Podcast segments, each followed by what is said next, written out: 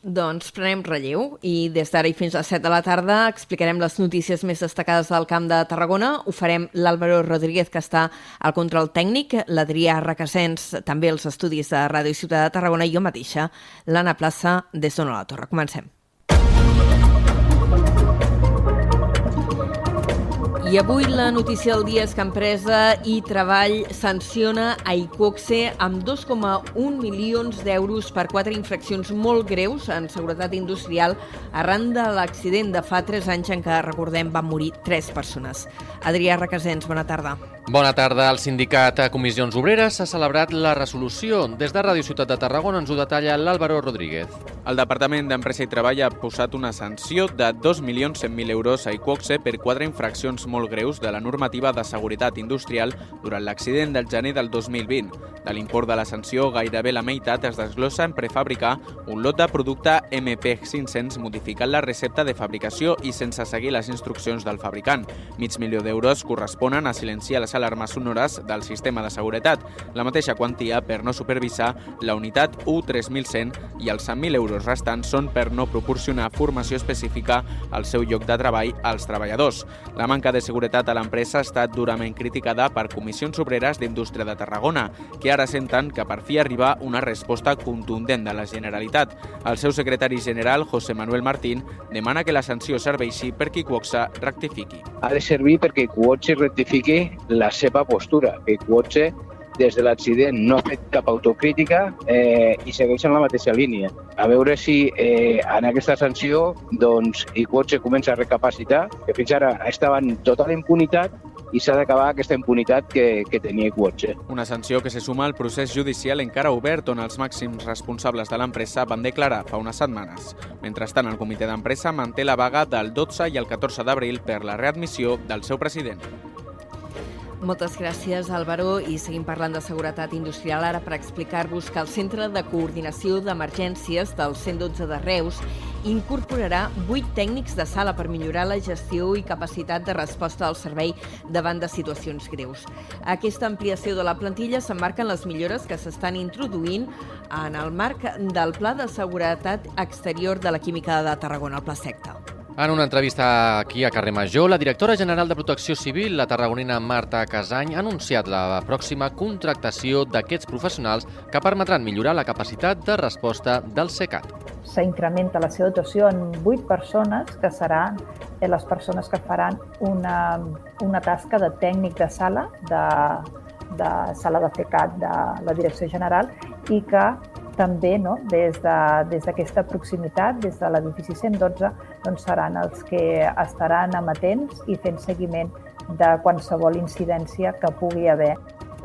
Casany també ha recordat que properament es licitarà la instal·lació de 500 sensors al, vol al voltant dels petroquímics nord i sud que serviran per detectar concentracions potencialment perilloses de fins a 8 productes en cas d'accident químic. Pel que fa a la política de comunicació, la directora general de Protecció Civil valora positivament la nova estratègia de comunicar totes les incidències que es produeixen a la química. Eh, nosaltres valorem de moment, eh, estem encara doncs, en aquesta fase de valoració, però de moment valorem positivament poder donar aquesta informació que jo crec que estat reclamada a nivell ciutadà i que, i que per part nostra també creiem que, que així té que ser.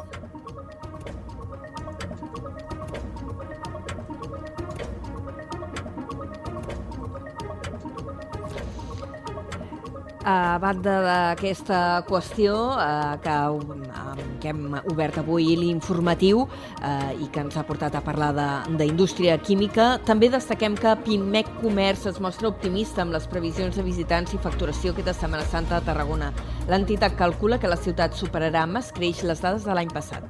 El president de Pimec Comerç, Florenci Nieto, ha exposat aquesta tarda en una entrevista a Carrer Major que aquests dies festius calculen que la ciutat superarà els 50.000 visitants i que l'impacte econòmic es podria enfilar fins als 10 milions d'euros. És a dir, pujaran per la xifra de l'any de l'any passat. L'any passat ja estàvem sobre els 52-53.000, aquest any crec que pujarem molt pel damunt d'aquestes xifres i, eh, per suposat, això, parlant amb xifres absolutes i una miqueta pel damunt, podríem estar parlant de pel damunt dels 10 milions d'euros de, de facturació. No? Clar, això són xifres que encoratjadores i Tot i les bones perspectives d'aquests dies, el president de Pimec Comerç ha reiterat la seva preocupació per la situació del comerç a Tarragona ciutat on s'acumulen els locals tancats. Així i tot, s'ha mostrat confiat en el futur i ha assegurat que hi ha molts inversors que estan interessats en la ciutat. És una ciutat que fa una miqueta d'angoixa. No? És una ciutat mig abandonada, amb molts comerços tancats al centre de la ciutat, Rambla,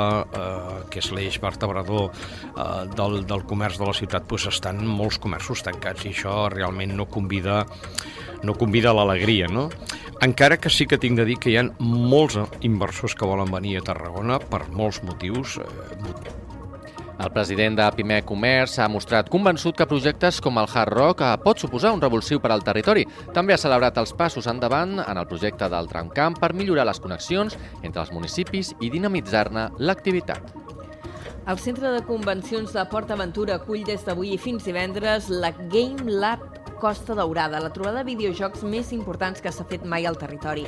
El certamen està impulsat per la Federació d'Hostaleria i Turisme de Tarragona amb el suport dels ajuntaments de Salou, Vilaseca i Cambrils. Hi participen uns 200 jugadors que han superat la fase prèvia, que es va fer online. La primera edició del certamen està apadrinada per la popular gamer Cristina i compta amb més de 200 zones lúdiques i competicions de jocs com el FIFA o League of Legends. A la trobada també compta amb xerrades i tallers relacionats amb el món dels videojocs. La voluntat dels organitzadors és que aquesta cita esdevingui, esdevingui, esdevingui anual.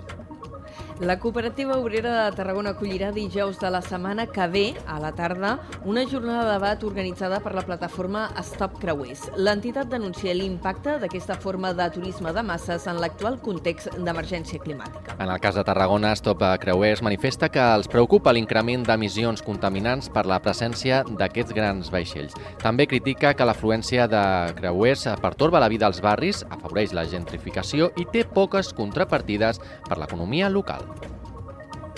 I més eh, qüestions encara. Eh, un accident múltiple entre sis vehicles ha mantingut tallats diversos carrils de l'autopista AP7 a Tarragona en dos sentits durant aquest matí. S'han vist afectats dos carrils en sentit nord i un tercer en sentit sud i hores d'ara encara hi ha problemes en la circulació. L'accident s'ha produït quan un camió ha volcat i ha quedat travessat a la via. Això ha provocat un xoc en cadena en què s'ha vist implicat un segon camió, una furgoneta i tres turismes més. L'accident no ha provocat ferits, però s'ha hagut de tallar l'autopista i s'ha hagut de desviar el trànsit per la Nacional 340 i l'autovia A7. Segons el Servei Català de Trànsit, a hores d'ara encara hi ha dos carrils tallats en sentit nord perquè s'està treballant en retirar la càrrega que ha quedat escampada.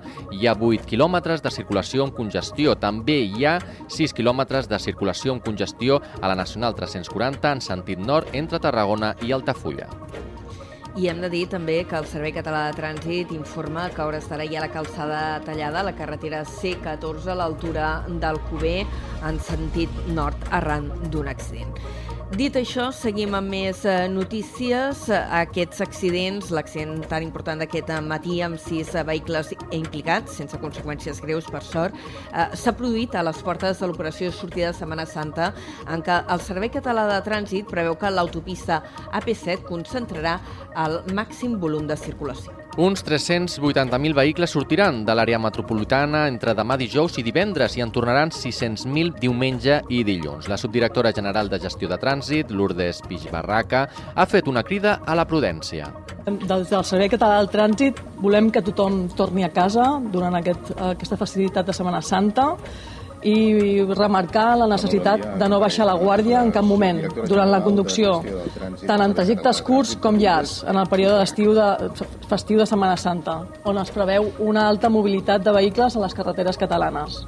Durant aquests dies, algunes vies tindran mesures especials com limitacions de velocitat específiques o carrils addicionals per a l'operació Retorn. Els Mossos d'Esquadra faran 1.300 controls.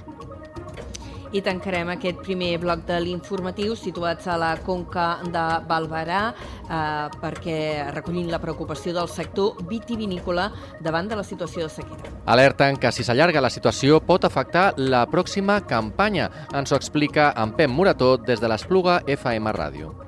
L'actual situació de sequera persistent està portant al límit als pagesos i també als viticultors, preocupats per les conseqüències històriques que diuen que hi podria haver enguany i no només es pateix per collir poca quantitat, ja que es parla de la subsistència de la vinya. Escoltem a Martí Magrinyà, anòleg de l'Espluga de Francolí. Bé, clar, si, si segueix tal com pinta serà pitjor, serà pitjor perquè, clar, l'any passat no teníem la sequera acumulada que estem tenint enguany, no? O sigui, enguany vam entrar a la primavera amb el terreny ben, ben assegurat, cosa que no tenim ara. Cal destacar que la darrera campanya ja va disminuir a conseqüència de la sequera, si bé aquesta va ser bona de qualitat amb vins més potents.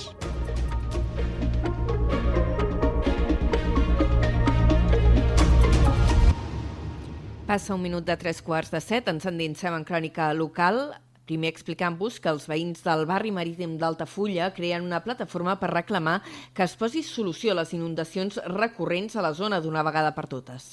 Denuncien que no es fa manteniment de les canalitzacions i que les aigües fecals entren a casa seva cada cop que hi ha un episodi de pluja intensa. Des d'Altafulla Ràdio ens en dona més detalls la Carol Cubota. Volen una solució real i definitiva a les inundacions de Baixamar i volen el compromís dels diferents grups polítics representats al consistori o que no obtinguin representació als pròxims comicis per dur-la a terme. Aquesta és la principal premissa amb la que s'ha creat la plataforma d'afectats per les inundacions de Baixamar, sorgida arran del malestar dels veïns de la zona pel que consideren és un problema enquistat i que va tenir el seu punt d'inflexió a l'episodi de pluges torrencials del passat 23 de setembre. Denuncien que cada cop que es donen episodis similars els arriba fins a casa aigües fecals i deixalles de tota mena. Núria Pijuan és una de les portaveus de la plataforma. No tenim manteniment de les conduccions tant pluvials com fecals això es barreja i fa que quan plogui el carrer Jaume I i Via Augusta s'ompli de caques i de tot tipus de brossa que la gent tira per als vàters. És algú... Ho fem perquè és salut. La plataforma vol que les reivindicacions entrin en campanya i que els partits les assumeixin com a pròpies per tal de revertir en el pròxim mandat les inundacions i el disseny deficient de les infraestructures actuals i el manteniment precari que tenen. Seguim en l'àmbit del Baix Gaià. A partir de demà dijous, els vianants ja podran accedir a la plaça Catalunya de Torre d'Embarra. Les obres de remodelació de l'espai es troben en la seva recta final i coincidint amb l'inici de la Setmana Santa, l'Ajuntament obrirà perquè s'hi pugui passejar. Des d'on a la torre ens ho explica en Josep Sánchez. Amb tot, la plaça encara estarà tallada al trànsit rodat. Una vegada passats aquests dies festius, es reprendran els treballs per enllestir els darrers detalls. Serà aleshores quan s'estableixi una data per a l'obertura de la plaça a la circulació de vehicles. Les obres de reforma de la plaça Catalunya es van iniciar a principis del passat mes d'octubre. Inicialment ja es va preveure una duració d'uns sis mesos. En aquest sentit, el regidor de Via Pública i Manteniment, Raül Garcia, s'ha mostrat satisfet perquè el calendari d'actuacions s'ha complert. Però bé, molt contents perquè la previsió era la setmana passada el 31 de, de, de març i bé, doncs, just una setmana després podrem obrir, per tant la valoració és molt positiva i crec que està quedant molt bé i la gent agradarà. És a dir, aquests dies de festa que la gent podrà passejar per, per aquell entorn, doncs crec que serà, serà un lloc molt, molt agradable, que és la intenció d'aquestes obres. Els treballs els ha dut a terme l'empresa Gixa i han costat 480.000 euros. Una part important d'aquest import, 380.000, s'han cobert amb la subvenció del Pla d'Acció Municipal del 2022. Gràcies, Josep. Anem cap a l'Alcamp. La policia local de Valls ha actuat en els darrers dies a la plaça de la Torratxa pels, pels constants actes d'incivisme d'un grup de joves. L'actuació policial ha acabat amb identificacions i fins i tot de denúncies. En té tots els detalls des de Ràdio Ciutat de Valls, Miquel Llavaria. La policia local de Baix intervé amb diverses identificacions i denúncies per l'incivisme reiterat d'un grup de joves, alguns d'ells menors d'edat, durant les nits a la plaça de la Torratxa. En les darreres setmanes els veïns de la zona han patit molèsties durant les nits a causa dels crits, música forta, motocicletes circulant sobre la plaça, vehicles d'atrapant i conduint de manera temerària o joves jugant a futbol en zones on està prohibit. Per aquest motiu i des del 27 de març la policia local va actuar amb diversos controls que s'han saldat amb identificacions identificacions i denúncies i la requisició d'un ciclomotor i un cotxe.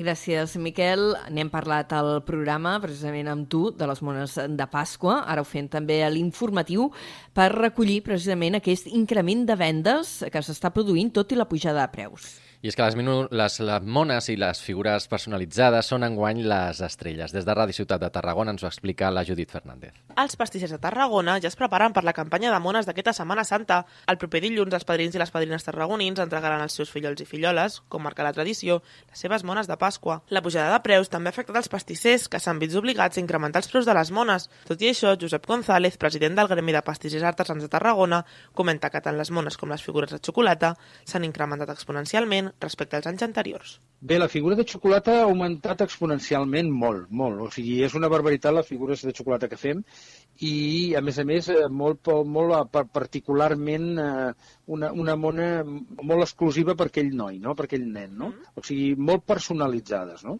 el que és el biscuit potser ha baixat un palet, per les notes que tinc enguany veig que enguany torna a pujar. Les figures i mones personalitzades són enguany les estrelles d'una Pasqua marcada per la tradició i la pujada de preus. I justament avui l'alcalde de Tarragona, Pau, Pau Ricomà, ha donat la mona de Pasqua a les nenes de Tarragona de fins a 16 anys que porten el nom de Tecla. Es tracta d'una tradició que es va iniciar ja fa 10 anys. Enguany l'alcalde ha lliurat 10 mones. La tecla més petita, que l'ha rebut, té 6 anys i la més gran, 15. La mona és una figura de xocolata amb la forma de la nineta d'Ivori. I encara a Tarragona, aquesta tarda a les 6 s'ha obert la reserva per poder demanar invitacions per poder visitar la volta del Pallol aquesta Setmana Santa. L'Ajuntament ha ampliat la gratuïtat de la visita donant l'interès que ha generat aquest espai i afegeix a més passis en anglès i també en francès. L'aforament màxim per passi és de 30 persones i es poden demanar un màxim de 3 invitacions. I us expliquem també que el Camp de Tarragona oferirà aquest estiu més de 200 places de camps de treball per a joves. Entre les novetats d'enguany hi haurà un camp dedicat a les lletres que es farà a la ciutat de Tarragona. Des de Ràdio Ciutat de Tarragona ens ho explica l'Àlvaro Rodríguez. La Direcció General de Joventut oferirà aquest estiu 264 places als camps de treball del Camp de Tarragona. Entre les ofertes presentades hi ha una novetat dins la ciutat de Tarragona que sota el nom Estiu entre lletres abordarà l'àmbit de la literatura. D'aquesta manera, la ciutat repeteix estrena després d'acollir un dedicat al muralisme al barri del Serrallo l'any passat. En aquesta ocasió, les lletres seran protagonistes portant el jovent a revistes i llibreries per millorar les seves capacitats lectores i redactores. Carmina Blai, coordinadora territorial Territorial de Joventut a Tarragona, explica que aquesta és una de les apostes més innovadores d'aquest 2023. Blai destaca que l'oferta de camps de treball és una gran oportunitat per descobrir altres localitats. A les activitats que, que fan allà, les activitats que poden fer a través del món local, no? que els ajuntaments doncs, els hi proporcionen, ens proporcionen ja no només un lloc a vegades on dormir o on menjar, sinó poder anar a la piscina, poder viure les festes majors del poble, poder anar, si tenen museus, si hi ha el que hi hagi. Val? Jo crec que tot això és, és molt interessant per ells. Aquest és un dels tres camps de treball que acollirà la comarca del Tarragonès. Els joves interessats es poden inscriure a partir d'aquest 19 d'abril a través del portal de preinscripcions. I avui en Plana Esportiva parlem d'activitats populars. Primer, de la sisena edició de la Caminada Popular Reus-La Pineda, que es farà el 16 d'abril. L'organitza la Regidoria d'Esports de Reus amb la col·laboració de l'Ajuntament de Vilaseca i l'empresa 13 Esports. Aquesta sortida és una de les més multitudinàries que es fan a Reus. El, el recorregut de 12 quilòmetres amb desnivell negatiu fa que sigui apte per a tots els públics. Se sortirà a les 9 del matí de Mas Iglesias, se seguirà pel camí de Vilaseca i hi haurà habituallament al parc de la Torre d'en Dolça i s'acabarà als Pins de Mariscal de la Pineda. Per a la tornada hi haurà servei d'autobús i les inscripcions es poden fer al web www.reusesports.cat. I d'altra banda, l'Ajuntament de Vandellós i l'Hospitalet de l'Infant convida la ciutadania a celebrar el Dia Mundial de l'Activitat Física amb diverses activitats. Per commemorar aquest dia, l'àrea d'esports ha organitzat diverses propostes. Des de Ràdio Hospitalet ens ho amplia la Iris Rodríguez.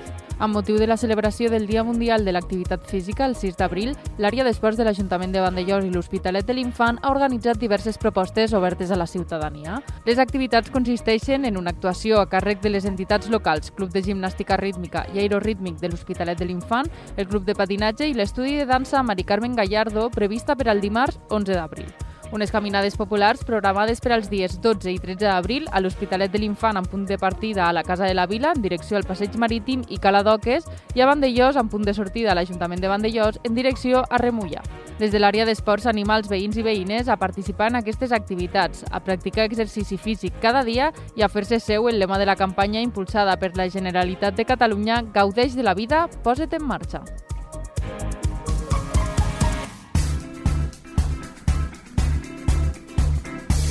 Recta final de l'informatiu i es queden un parell de minuts per parlar de cultura. Avui comencem amb un nom propi, el de Coia Valls, que és una de les autores amb més projecció del nostre territori i que acaba de publicar la seva nova novel·la, El llegat de les cendres. Es tracta d'una novel·la històrica ambientada a la Barcelona de mitjan segle XIV, quan la ciutat patia les conseqüències de la pesta negra. En aquest temps convuls i de canvi, un grup de dones aprofitant el buit de poder per empoderar-se col·lectivament i treballar plegades. Una d'elles és l'Alexia, la filla de la protagonista de la novel·la més venuda de l'autora, el Mercader. Són moltes, moltes històries, com tu deies, individuals, però que davant d'un objectiu comú doncs, sumen esforços i fan, fan renúncies una a favor de l'altra. I la casa dels, dels obradors ara seria com un coworking, eh? eh on s'ajunten i eh, entre totes creen una dinàmica que molts voldran eh, estroncar. No? Per tant, també és una lluita de poders continuada. El llegat de les cendres ha estat editada per Novum i ja es pot trobar a les llibreries.